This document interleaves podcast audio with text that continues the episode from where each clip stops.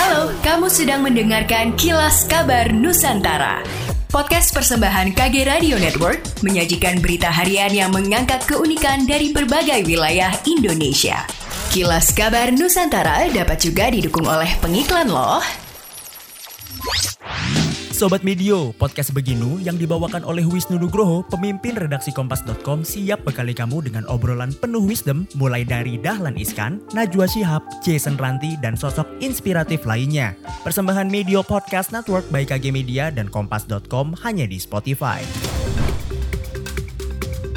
Usai di demo puluhan pengemudi taksi online, pemerintah Provinsi Sulawesi Selatan berjanji akan menerapkan tarif batas atas sebesar 7.500 dan batas bawah 5.500 per kilometer.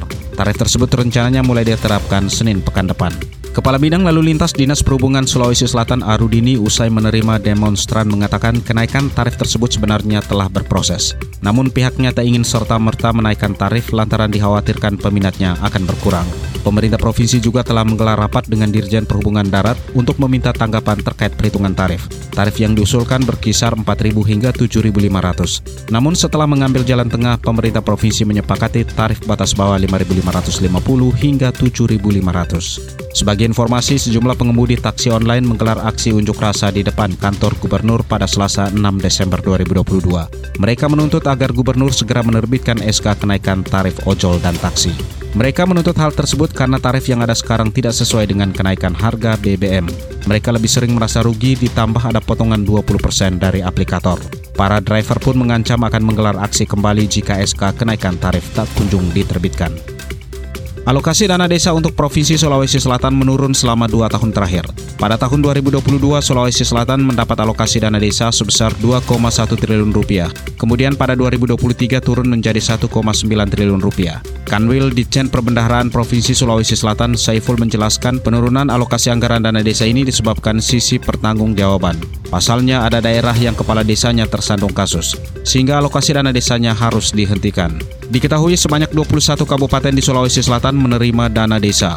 Adapun daerah yang dana desanya menurun di antaranya Baru, Enrekang, Bone, Jeneponto, Goa, Sidrap, Sinjai, dan Kepulauan Selayar. Kegiatan Gelar Agung Jaranan Malang Raya di Jalan Tugu Kecamatan Klojen Kota Malang berlangsung meriah pada hari Minggu 11 Desember 2022. Ratusan orang sangat antusias melihat seni kuda lumping yang berlangsung mulai pukul 9 pagi hingga pukul 5 sore tersebut. Acara ini menegaskan kembalinya sebentuk pemberian panggung kehormatan bagi seni tradisional yang semakin terpinggirkan.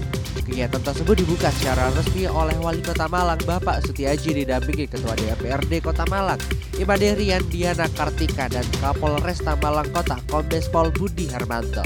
Ketua pelaksana gelar Agung Jaranan Malang Raya Ratmoko mengatakan gelaran tersebut merupakan sinergi antara Jaranan Malang Raya JMR dan Cangkruan Ngaji Budaya atau CNB. Menurut beliau gelaran tersebut merupakan suatu angin segar bagi para seniman untuk menunjukkan karyanya setelah sebelumnya terbatas akibat adanya pandemi COVID-19. Demikianlah kilas kabar Nusantara pagi ini.